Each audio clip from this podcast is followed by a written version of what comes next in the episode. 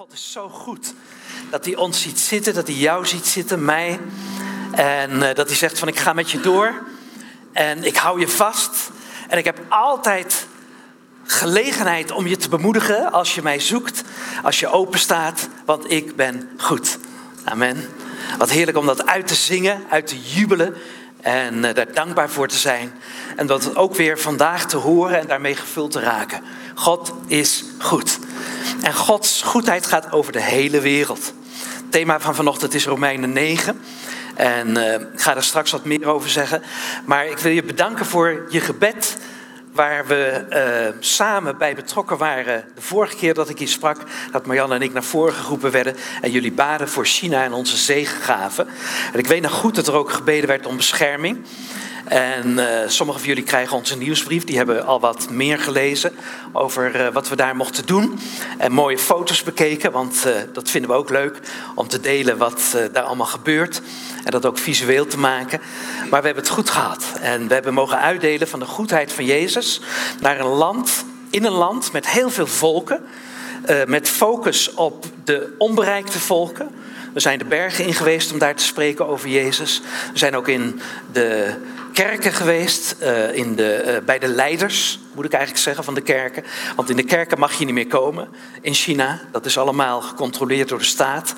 En dat wordt weer wat strenger dan dat het was. Uh, alles wordt weer wat meer gecontroleerd. zodat we daar ook rekening mee moesten houden om de christenen niet in verlegenheid te brengen door dingen te doen die eigenlijk niet kunnen. Maar we konden vertellen en, en meegeven aan de mensen die, die, we daar mochten ontmoeten, wat we op ons hart hadden. En van de Bijbel spreken. Mochten ook het stripboek Jezus Messias uitdelen. Wat op dit moment ook weer in meer talen vertaald wordt, ook in China.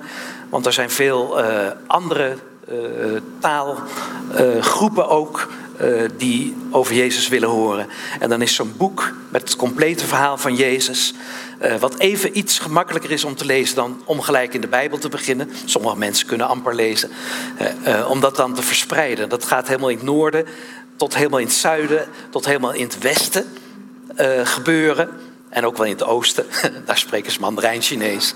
Dat is dan eigenlijk de taal waarin het boek het eerst vertaald is, maar ook in andere gebieden. Dus we zijn dankbaar dat we daarbij betrokken mochten zijn. Het zijn allemaal hele kleine groepjes, dus niet dat je denkt van hij is massaal bezig daar in China. Nee, we mochten daar een paar hele kleine groepjes bedienen, Marjan en ik, uh, samen met een zendeling die daar bezig is. Uh, en ook verrast worden door wat de Heer doet uh, omdat er ook weer deuren open gingen. Uh, we hadden het ook even spannend, want we zaten op een bepaald moment met een groep met Bijbels op tafel. En toen was er ineens een signaal, ineens uh, verstaarde de sfeer, zou je kunnen zeggen. We waren eerst heel joviaal bezig. En ineens verstaarde de sfeer, mocht niet meer gezongen worden. De Bijbels moesten heel snel weggebracht worden. En we deden net alsof we thee zaten te drinken. In China drink je thee, geen koffie. Want er kwam politie langs. Ja, dat was een soort controlebezoek. En hij vertrok weer en de Bijbels kwamen weer tevoorschijn. En toen kon ik lekker verder uitdelen. Want daarvoor was ik daar, waren wij daar. Bedankt voor je gebeden. Uh, ja, we hebben daar goede relaties. En het is fijn om te zien dat ze bemoedigd worden, ook gewoon weer door ons bezoek. Niet dat dat allemaal zo bijzonder is. Uh, in die zin, altijd is het bijzonder als je het woord opent, maar niet in de zin van uh, groots of weet ik wat, spectaculair. Maar wel in de zin van dat ze daar bemoedigd worden, dat er mensen van over de grens betrokken willen zijn bij hun ontwikkeling in het leven met Jezus. En ook als de spanningen toenemen, uh, dat we ze niet vergeten. Dus, en jullie hebben ons niet vergeten. Dank voor je gebeden. We gaan naar uh, Romeinen 9. En uh, ik wil even met je kijken. Jullie zijn al een poosje bezig met Romeinen. En dan zit je ineens in Romeinen 9. En uh, ja, heeft er iemand een schoon uh, papieren zakdoekje bij zich misschien? Dat ik even mag gebruiken. Kijk, daar komt al wat naar me toe. Heel goed, dat is snel hè? Kijk, als ik nou eigenlijk Romeinen wil uitleggen, dan komt hij terug. Oké, dan is Romeinen eigenlijk net als dit. En dat is eigenlijk ook de manier waarop de Joden hun literatuur uh, inrichten. Dat is eigenlijk zo. Je pakt hem in het midden vast en dan heb je een tweedeling, zou je kunnen zeggen. Uh, in de literatuur van Romeinen is het zo dat het midden altijd, of van de Joodse literatuur is het altijd zo dat het midden altijd het hoogtepunt is. Ik weet niet of je dat weet, maar als je de psalmen bestudeert, vaak in het midden, de middelste zin is vaak het hoogtepunt. Zelfs in Psalm 23, ik heb er wel eens over gepreekt, daar zit het hoogtepunt. Hè? Hij is altijd bij mij. Psalm 23, dat zit in het midden. En het grappige is dat het eigenlijk in Romeinen ook zit. Nou, Romeinen heeft 16 hoofdstukken. We gaan nu naar Romeinen 9, dus het hoogtepunt hebben we gehad. ja, nou, in Paulus' schrijfwijze is het zo dat hij de eerste helft, ik zou het eigenlijk vanaf deze kant moeten laten zien, hè? de eerste helft gaat altijd over, in zijn brieven over uh, de geloofszekerheid. Eigenlijk zou je kunnen zeggen over de theologie, over dat wat we mogen denken over God, wie God is en hoe wij zijn. En dat is altijd het fundament van genade. Ja. En de tweede helft gaat altijd over hoe breng je dat nou in praktijk. Ik heb een uh, boekje geschreven wat nu door de tieners gebruikt wordt, hè, zeker weten. Een geloofsfundamentsboek. En eigenlijk heb ik daar hetzelfde gedaan. Eerst dat fundament neergelegd. Wat geloof je eigenlijk? Genade, gerechtigheid, zekerheid. God is goed. Jezus die voor ons zorgt en die alles volbracht heeft. En dan, wat werkt dat nou uit in de praktijk? Dat is het tweede deel, ook van dat boek Zeker Weten over het fundament van het geloof. Nou, wij zitten dus nu in Romeinen 9. En laten we even kijken waar we het over gehad hebben als het ging over Romeinen. Titel is En Israël dan, daar gaan we het over hebben, want daar gaat Romeinen 9 over. Maar laten we even kijken naar de voorgaande dingen die we gelezen hebben, om je even uh, scherp te maken over, oké, waar gaat Paulus nu naartoe en wat betekent dat voor ons?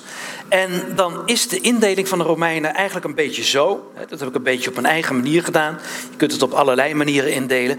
Maar hoofdstuk 1, vers 1 tot 16 is eigenlijk zijn introductie. Hij wil eigenlijk iets kwijt aan een groep christenen die hij niet eens kent. Paulus. Dat is grappig, hè? Paulus had een wereldvisie. Paulus was geroepen door God en God had gezegd: Jij bent er voor de volken, voor de heidenen. Ik ben begonnen met Israël, maar ga jij nou alles wat ik heb volbracht met Jezus laten zien aan de heidenen? Want het is voor de hele wereld. En Paulus had een visie, had een droom bijna, dat hij zei: Oké, als het dan voor de hele wereld is. En ik zie al die geplaveide wegen van de Romeinen in die tijd. Hè, was een soort internet uh, op de vloer zou je kunnen zeggen, World Wide Web, alleen op de vloer ge, ge, geplaveid. Hè? Overal Asterix en Obelix, overal van die wegen. Hè? Asterix en Obelix zie je ook de hele wereld doorgaan over die Romeinse wegen. Nou, dat kennen we inmiddels. Hè? Dus we kunnen ons iets voorstellen dat Paulus dacht, ik ga de hele wereld over. Om die boodschap van Jezus te vertellen en bedankt Romeinen dat jullie de weg geplaveid hebben. Ja, zo was het eigenlijk een beetje. En hij nam die boodschap mee en hij ging naar Turkije en hij ging naar Griekenland en hij ging naar Cyprus. Hij ging naar allerlei plaatsen toe. Hij had Israël ook al gehad en een beetje zo de Arabische wereld was hij zelfs in geweest. Weten we niet zoveel van, alleen een klein berichtje dat hij daar ook geweest is. En dan uiteindelijk dan denkt hij van, maar mijn droom is dat ik naar het hart ga van die heidense wereld. De hoofdstad van de wereld en dat is Rome. En dan zitten daar al wat christenen in uh, huisgemeentes eigenlijk. In kleine plekjes waar ze bij elkaar komen. En hij heeft ervan gehoord, want dat wisselt uit. Ze zijn betrokken bij elkaar. En dan denkt hij, ik ga vast een brief schrijven, want straks kom ik zelf. Dat is hè? Dat gaat bij mij ook zo. Eerst worden die boeken gedrukt van Jezus Messias. Die gaan de hele wereld over. En af en toe kom ik eens even kijken hoe dat dan gaat. Ja, grappig is dat, hè? Zo werkt dat soms. En bij hem met zijn brieven ook zo. En dan introduceert hij die brief en dan zegt hij in vers 16: Voor dit evangelie hoofdstuk 1. Hè? Voor dit evangelie schaam ik mij niet. Want het is Gods reddende kracht voor alle die geloven. Nou, dat moet je even vasthouden. Alle. Oké, want straks gaan we het over Israël hebben en over alle volken. Maar Paulus zegt hier: het is voor alle mensen die geloven. Gods reddende kracht. En ik ga me er niet voor schamen. Ik ben er eigenlijk zo trots op.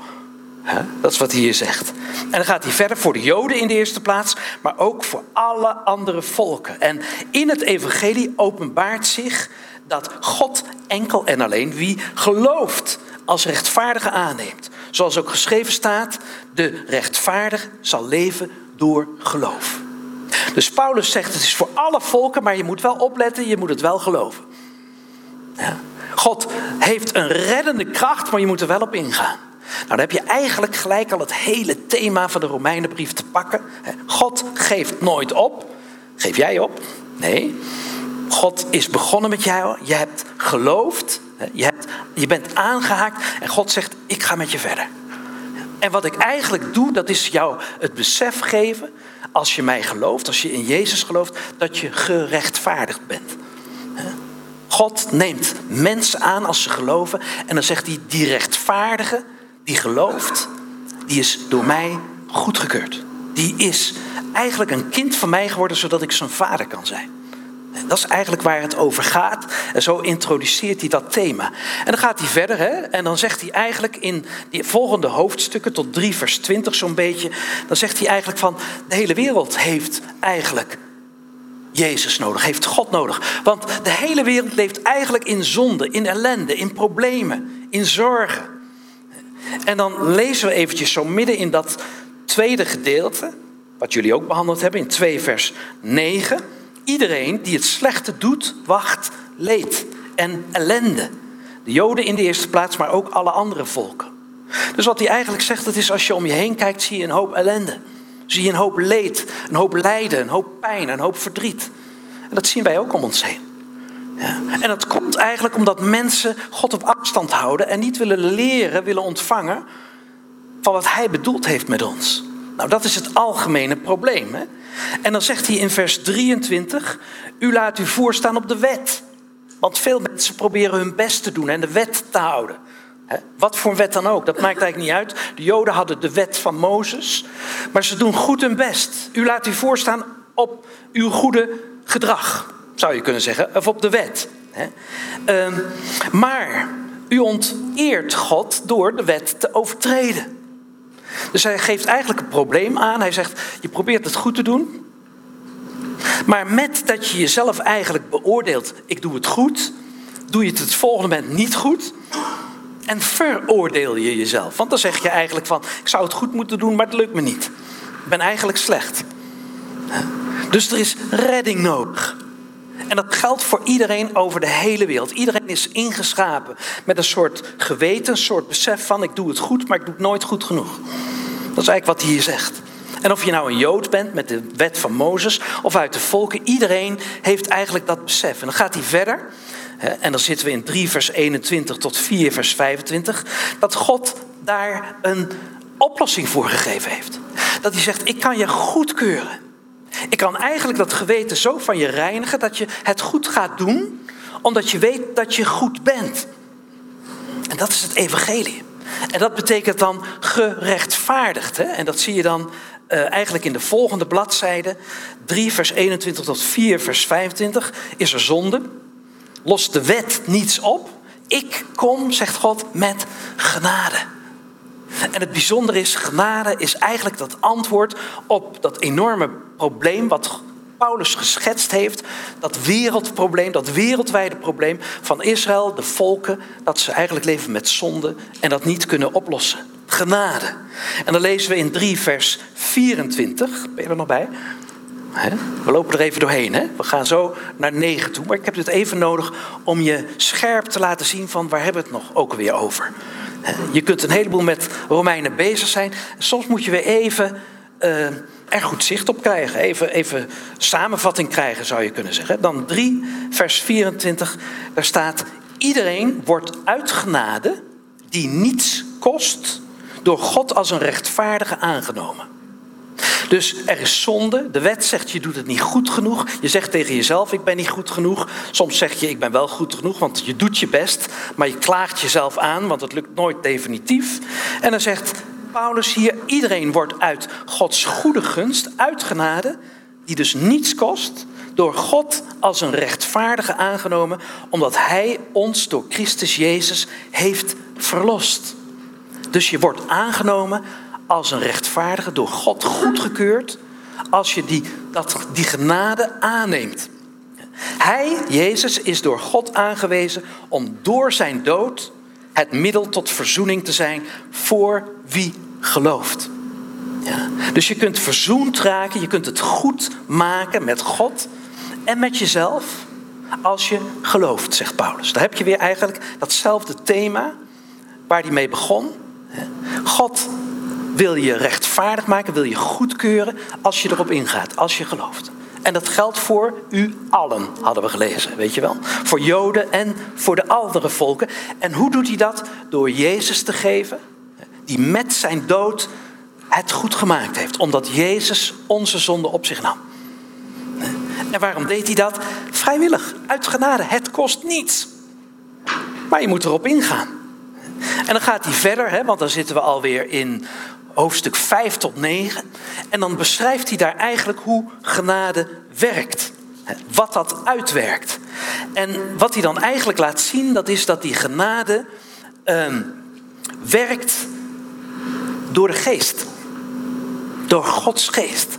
Omdat als je zonden vergeven zijn en je een kind van God bent, God zijn geest geeft. Er gebeurt iets in je hart, iets van binnen. Je wordt een ander mens. En soms merk je het niet, maar hij zit wel in je. En hij gaat het uitwerken wat Jezus begonnen is. Hij blijft zeggen, je bent een kind van God. Je bent goedgekeurd. Je bent gerechtvaardigd. En dan loopt dat eigenlijk uit op hoofdstuk 8. En dan zitten we dus bij dat hoogtepunt, weet je wel.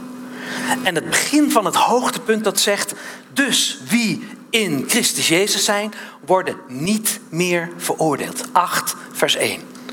Ja? En dat kun je blijven lezen. Ik wel. Ik kan dat blijven lezen. Blijven, blijven ja, opvreten eigenlijk. Hè.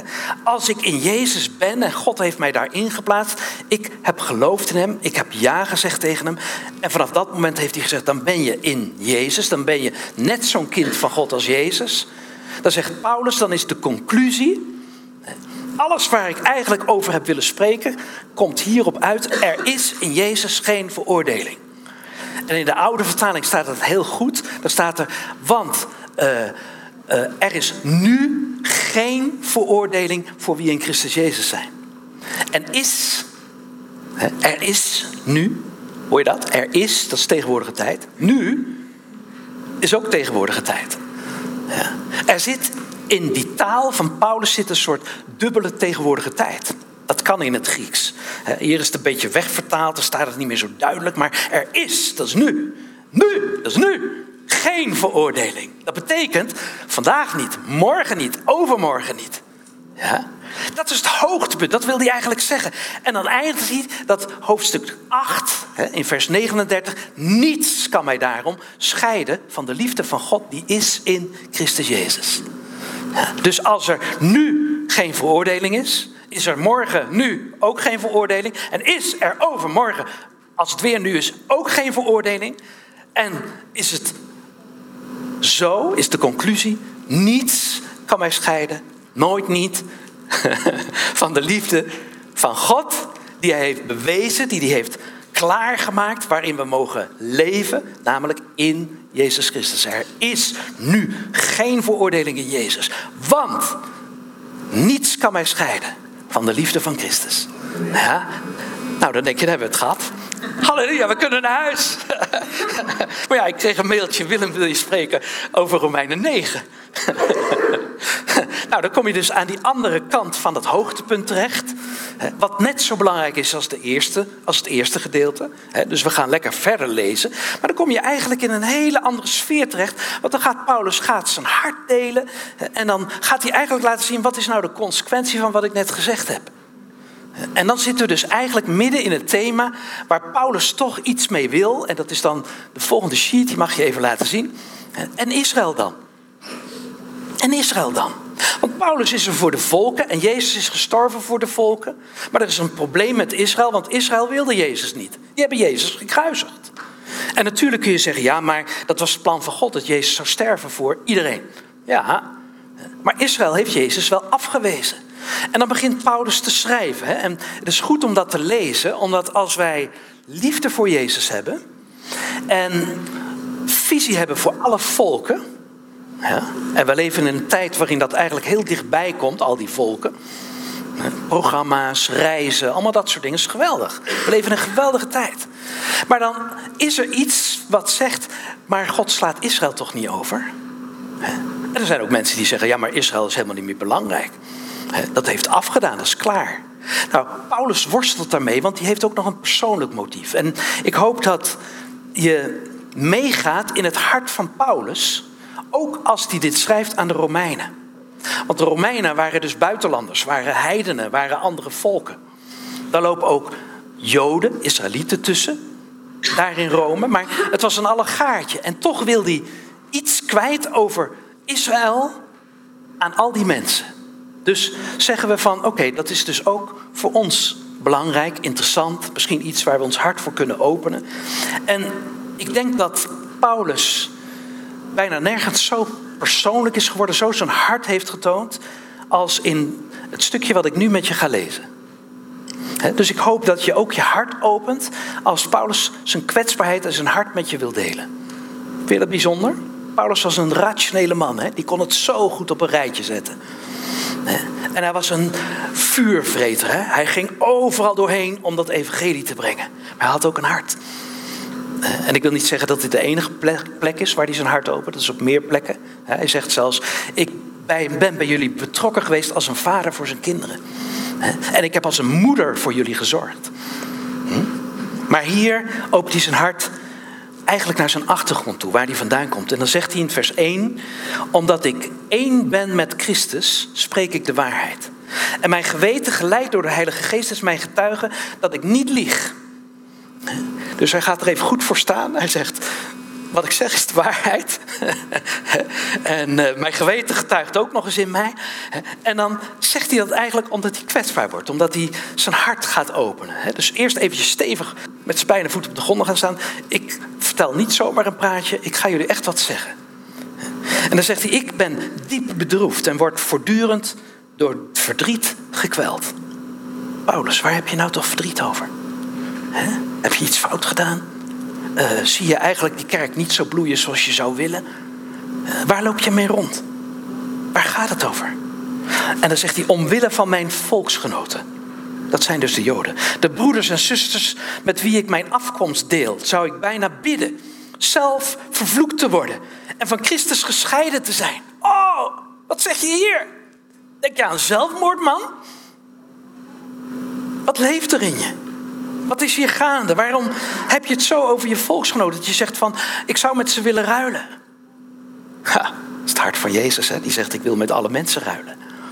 Hij zegt, ik wil met mijn volksgenoten ruilen. Omwille van hen, de Israëlieten, die God als zijn kinderen heeft aangenomen. Aan wie hij zijn nabijheid, de verbonden, de wet, de tempeldienst en de belofte heeft geschonken.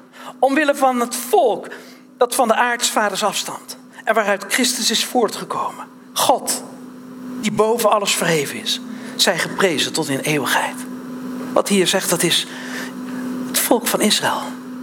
God had het zo lief. En ik heb het zo lief. En ter wille van hun zou ik willen eigenlijk dat, dat wat ik ontvangen heb, dat zij het zouden krijgen. En als ik het zou moeten loslaten ter wille van hen, dan zou ik het zelfs willen. Zou ik zeggen van, voor hun. Want God had ze als eerst op het oog. Het was het volk waarvan God zei van, ik geef je alle goeds. Ja? Ik geef je alles eigenlijk uh, uh, wat in beelden al naar je toe komt over wat ik met Jezus zal gaan doen. De tempeldienst, de wet, al dat soort dingen. En de goedheid van God, de goedgunstigheid van God. Ik geef dat allemaal, de nabijheid. God die genoemd wordt, hij zal er zijn. Hij was bij Israël. De nabijheid. Alleen ze hebben het niet gewild. Hè? Alleen in het Oude Testament klagen de profeten dat God zegt van ik heb jullie vader willen zijn. Maar jullie hebben het niet gewild. Ik had gewild dat jullie vader tegen mij zouden zeggen. En jullie hebben het niet gewild. En, en Paulus loopt met dat probleem rond. Hè? En die zegt, oh, oh, oh. Kon ik maar iets overdragen van de goedheid van God, van zijn liefde in Jezus. En is het dan fataal? Is het dan eigenlijk klaar met Israël? Moeten we Israël terzijde zetten? Wat hebben we niet misschien in de kerkgeschiedenis gedacht, waar is Israël gebleven? Ze hebben zelfs geen land meer. En ze zitten in ghetto's. Ze hebben hun eigen rituelen en hun eigen godsdienst. Ze hebben geprobeerd iets vast te houden, maar ze misten de tempel al. Ja. Wat is er nog van over aan hun rituelen? Ja. En ze zitten in een boek en dat is geweldig, hè? want we houden van dat boek. Maar waar zijn ze gebleven? En toen kregen ze weer een land terug, weet je wel. Ondanks al dat lijden, want de zonde leidt tot ellende en tot lijden, heeft Paulus gezegd. Zowel voor de Joden als voor de volken. Wat een ellende, wat een vergrootglas van ellende is er eigenlijk op dat volk gelegd. En Paulus zegt, ik heb daar een hartzeer voor. En dan zegt hij in vers 6, God heeft zijn belofte niet gebroken. God heeft zijn belofte niet gebroken. God heeft iets beloofd. God heeft zijn woord gegeven aan dat volk. En hij heeft het niet gebroken. Hij gaat door. He never gives up. He never gives up. Hebben we gezongen? On me. He never gives up on them. God heeft zijn belofte niet gebroken. En dan gaat hij verder en dan zegt hij, want niet alle Israëlieten behoren werkelijk tot Israël. Namelijk, niet alle nakomelingen van Abraham zijn ook werkelijk zijn kinderen. Er staat immers geschreven alleen aan de nakomelingen van Isaac. Die zullen gelden als jouw nageslacht. En dan gaat hij verder. En dan staat er in vers 8.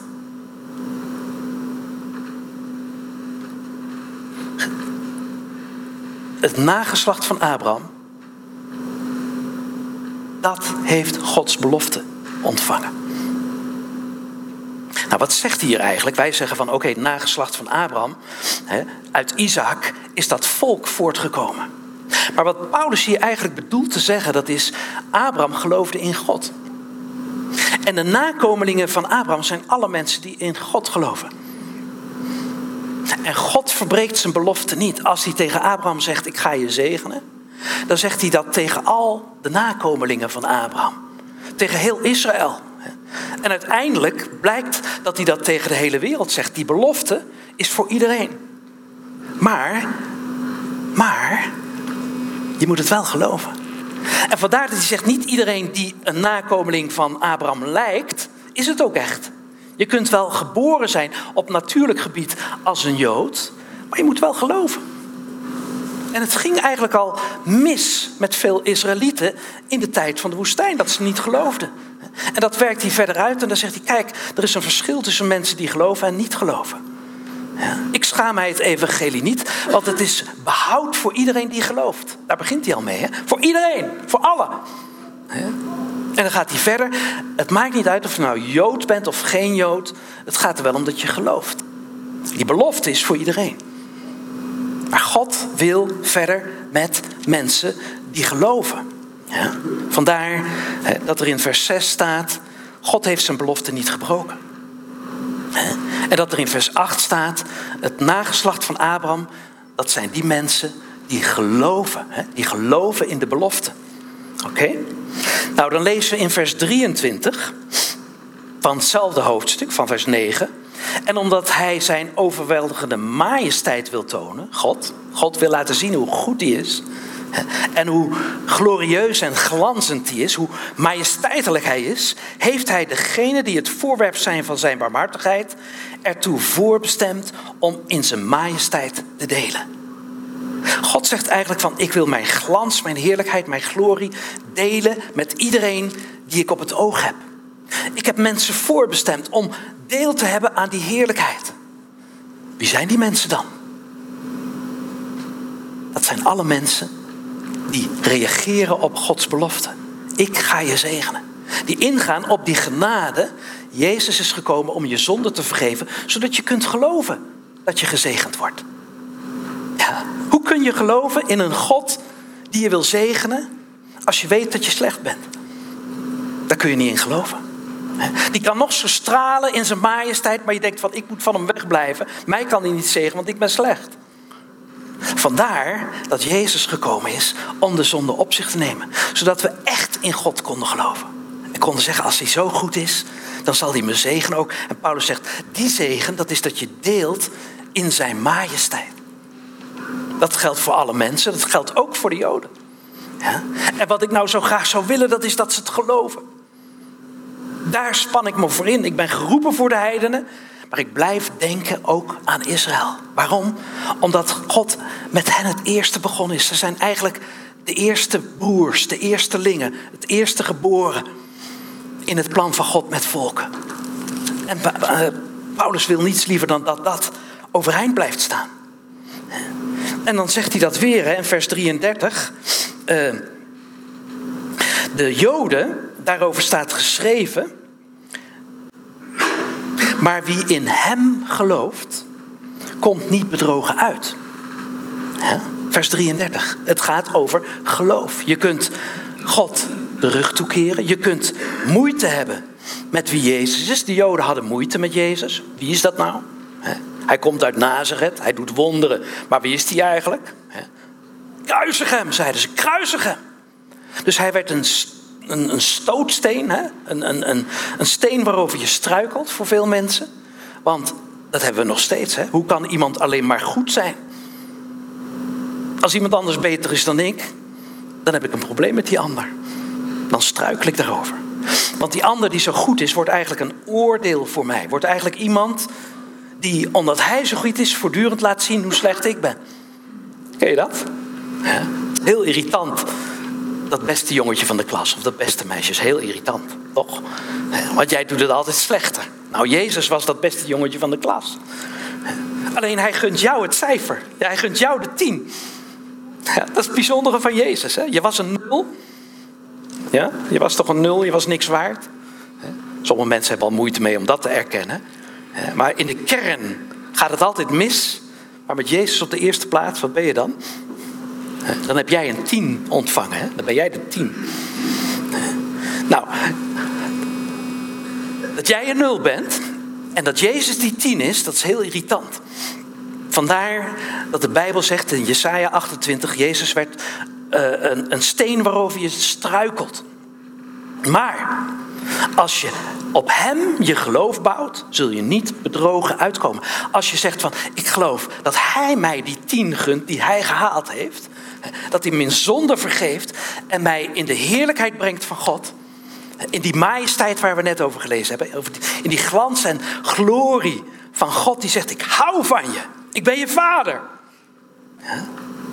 Als je gelooft dat je een tien bent, dan kom je niet bedrogen uit. Dat is wat hier staat. Het gaat dus weer om de genade die God geeft. Het aanbod van God, het is gratis voor jou dat ik je goedkeur, dat ik je een tien geef. Ik geef het je omdat Jezus dat voor je behaald heeft. En als je het gelooft, kom je niet bedrogen uit. Dat is geweldig? Dat is eigenlijk het grote thema van die Romeinenbrief, die hij nu toepast op het volk van Israël. Want hij ziet dat en hij ziet dat ze het niet geloven. En hij zegt, waar zijn dan die mensen die het wel geloven? Ja, ze zijn er wel. Ook in Israël zijn er mensen. Er is een rest die wel gelooft. Zou willen dat ze allemaal geloven. Want niet uit. En dan, eh, dan gaat het verder. Dan zegt hij het eigenlijk nog een keer in uh, hoofdstuk 10. Dat mag ik eigenlijk helemaal niet lezen. Hè? Ik mag maar tot 9. Hé, hey, heb ik weer een probleem. Ja, maar ik wil toch even vooruitkijken. Heb ik dat geprojecteerd of niet? Of heb ik dat eigenlijk uit, uit overwegingen van de volgende moet over. Nee, ik heb het wel geprojecteerd. Ja, ja. Kijk, er staat eigenlijk precies hetzelfde. Dus, dus um, um, ja, het, het, het, is hoofdstuk 10, maar het gaat eigenlijk over hoofdstuk 9. Het staat gewoon precies hetzelfde. Hè? Want de schrift zegt, namelijk over die hoeksteen, wat we ook al in hoofdstuk 9 lazen, in Jesaja 28, vers 16. Wie in hem gelooft, komt niet bedrogen uit. Leuk hè? Het staat er gewoon twee keer, in 9 en in 10. Paulus die ramt het erin. Die denkt van, oh, dit wil ik nog een keer zeggen. Dus als je het hebt over een hoogtepunt, nou, er zit echt wel, echt wel nog een stukje hoogtepunt ook in 9 en 10. Hè? Het gaat nog even door. Uh, er is in Jezus geen veroordeling. Hè? Niets kan mij scheiden van de liefde van Christus. Als je hem gelooft, kom je niet bedrogen uit. Eigenlijk gewoon hetzelfde verhaal. Ehm, en wat dan? Er is geen onderscheid tussen Joden en andere volken, want ze hebben alle dezelfde Heer. Eigenlijk waar Paulus op uitkomt, dat is van: oké, als ik dan geroepen ben voor de heidenen, dan is Israël toch ook een volk? Dan zijn de Joden toch ook een volk? En als God met de Joden begonnen is, gaat hij toch ook afmaken? En daar gaat 10 en 11 over.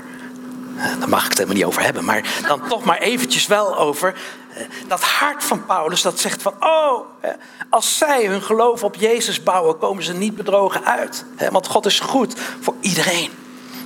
Voor allen die geloven, daar begon hij al mee. En dan kijken we mee, eigenlijk vanuit een heel ander perspectief, omdat we niet in de tijd van Paulus leven. En dan zeggen we, ja, God is ook altijd bezig gebleven met de Joden. En wat zijn het er soms weinig geweest die gingen geloven in Jezus? Waar waren ze in de tijd van de Reformatie? Waar waren ze in de tijd van, van die hele ontwikkeling van de kerk? Waar waren ze bij de Puritijnen? Heel weinig. Maar wat wonderlijk dat we nu dan zien dat er meer mensen tot geloof komen onder de Joden. Dat is echt zo. Er ontstaan in Israël, en we komen elk jaar in Israël, ontstaan uh, kleine kerken, messiaanse kerken in een land, Israël, waar eigenlijk het christendom een hele slechte naam is. Want Israël is eigenlijk ja, een soort uitvloeisel van de problemen die de Joden hadden met alle christenen in Europa en, en in de ghetto's en waar ze vermoord werden tot in de holocaust toe. Verschrikkelijk. Dus, dus Joden hebben alle recht om te zeggen, die christenen die motten we niet. En dat geloof van die christenen, dat motten we ook niet. En toch, en dat is zo wonderlijk, legt God in de harten van sommige mensen een verlangen naar Jezus. En ontstaan daar Messiaanse kerken, klein, tegen de verdrukking in, want weet je dat het in Israël verboden is om te evangeliseren? Dat is toch wonderlijk? Wij zijn nu bezig om ook het stripboek voor te bereiden in het Hebreeuws, zodat het ook naar Israël kan. En wat we hopen, dat is dat daar ook mensen in Israël, Joden, een verlangen krijgen om Jezus te leren kennen. Maar we zijn heel erg aan het zoeken van hoe moet je dat nou verspreiden? Want dat mag eigenlijk helemaal niet. En er zijn wel wat uh, rouwdouwers die daar wel wat, wat, ideeën voor hebben. Maar dat is echt een zoektocht. We zitten nu nog maar in het vertalen. En dan moeten we verder zoeken hoe dat dan gaat. We hebben wel wel geld ervoor. Dat is wel weer wonderlijk. Want er zijn in Nederland mensen met echt visie voor Israël. Die zeggen dat moet daar komen. Dus we kunnen het drukken. Maar het moet ook nog verspreid worden. Daar is ook gebed voor nodig. Hè? Dat, dat hart van Paulus, dat moet erin zitten. Hè? Oh, we willen ze bereiken. Nou, dat is ook wat we aan het doen zijn. We hebben nu het stripboek in meer dan 130 talen vertaald. Dat gaat heel hard. Vorig jaar waren het er nog 100, nu alweer 130. En dat gaat naar alle volken. Het is heel grappig als je dat ziet. we hebben een landkaart thuis hangen waar we dat allemaal aankruisen. Maar we hebben ook zoiets van, oh dat hart van Paulus, dat nemen we mee. Het moet ook naar Israël toe. Nou, we hebben het even uitgetekend. En dan uh, sluit ik af. Kijk, dat mannetje, dat is uh, Israël. Wonderlijk volk. Uh, excuses dat het een beetje een cliché is wat ik getekend heb. Met het neusje en zo. En het kinnetje. Als je stoerdere wil hebben, Bob Dylan is ook een Jood. Uh, maar daar hebben we ook de volken. Kijk. Excuses voor het cliché. maar daar mag je echt om lachen. Dat ben jij, dat zijn de volken. En het wonderlijke is, laat maar zien, dat we het hier eigenlijk over hebben. En dat de focus van Israël is van wat gaan de volken nou doen met Israël? Dan heb je het over wereldpolitiek. Maar dat Jezus daar staat en die zegt, ik heb ze allemaal op het oog. Ik heb ze allemaal op het oog. Als je meekijkt met Paulus, met Romeinen 8, 9, of nee, Romeinen 9, 10 en 11. Dat gaat allemaal over Israël en de volken. Dan zie je dit plaatje en dan zeg je, Jezus heeft ze allemaal op het oog. En als je kijkt naar wat God met Israël wil doen, dan wordt je idee over hoe goed hij is en hoe groot zijn genade is alleen maar groter.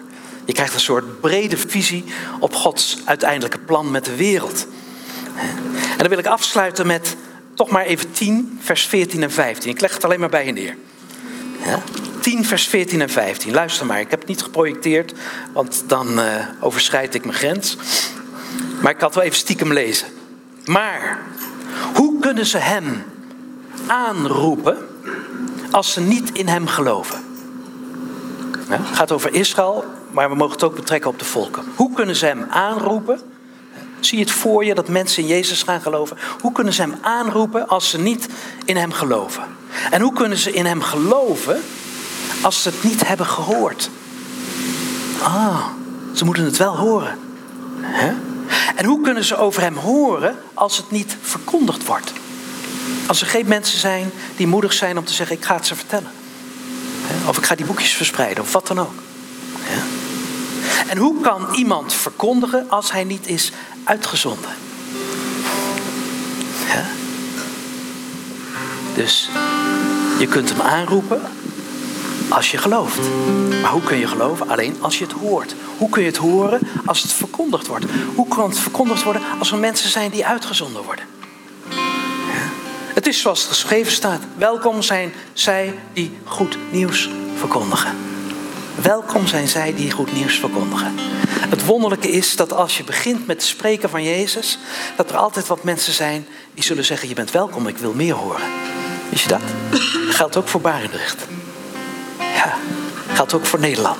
Geldt ook voor Israël. Je gaat het maar gewoon uitdelen. En er zullen mensen zijn die zeggen: Ik wil meer horen. Die God, als die zo goed is, wil ik hem ook leren kennen. En als die zo goed is en ik mag hem leren kennen, mag ik dan zien wat dat betekent voor mij, die Jezus. Vertel het me. Wat is dat gerechtigheid? Wat is dat genade? Wat is dat geloof? En je vertelt en je merkt, God giet zijn goedheid in die mensen die geloven. Is dat niet bijzonder? En dan ben je blij met elke persoon waar je welkom bent. Dat? Mensen in je omgeving waarvan je zegt, oh, daar kan ik wat kwijt. Dat is wonderlijk. Deze preek draait uit op, we gaan evangeliseren. ik heb dat niet zo voorbereid. Maar uh, Paulus zegt eigenlijk, gelukkig zijn de voeten die een goede boodschap brengen. Gelukkig maat 39. Ik heb zulke rare kleine voetjes. Maar als ik naar ze kijk, denk ik, jongen, dat is toch wel bof met die voeten. Ja, want ik breng een goede boodschap. Als je nou thuis bent, moet je eens naar je voeten kijken. En dan moet je zeggen, zijn die voeten gelukkig? Brengen ze een goede boodschap? Weet je dat het leuk is om uit te delen van Jezus? Om de moed te verzamelen om dat te gaan doen. En je kunt het op allerlei manieren. Je kunt elkaar versterken. Je kunt elkaar helpen daarin. Mensen ondersteunen die groepen zijn en die uitgezonden zijn. Maar in zekere zin zijn we allemaal uitgezonden.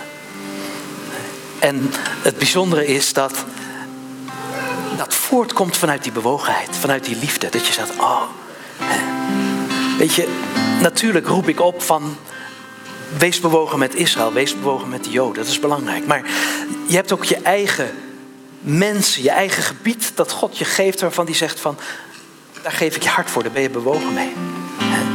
En geef dat de ruimte. Wees een getuige van Jezus. Vertel van hem, wees, wees trots op hem. Want je gaat ervan stralen, omdat je weet hoe geliefd je bent. En als het eruit komt, dan kan God er nog meer ingieten. Hij is zo goed. Amen. Zullen we zingen? Dan zullen we straks afsluiten.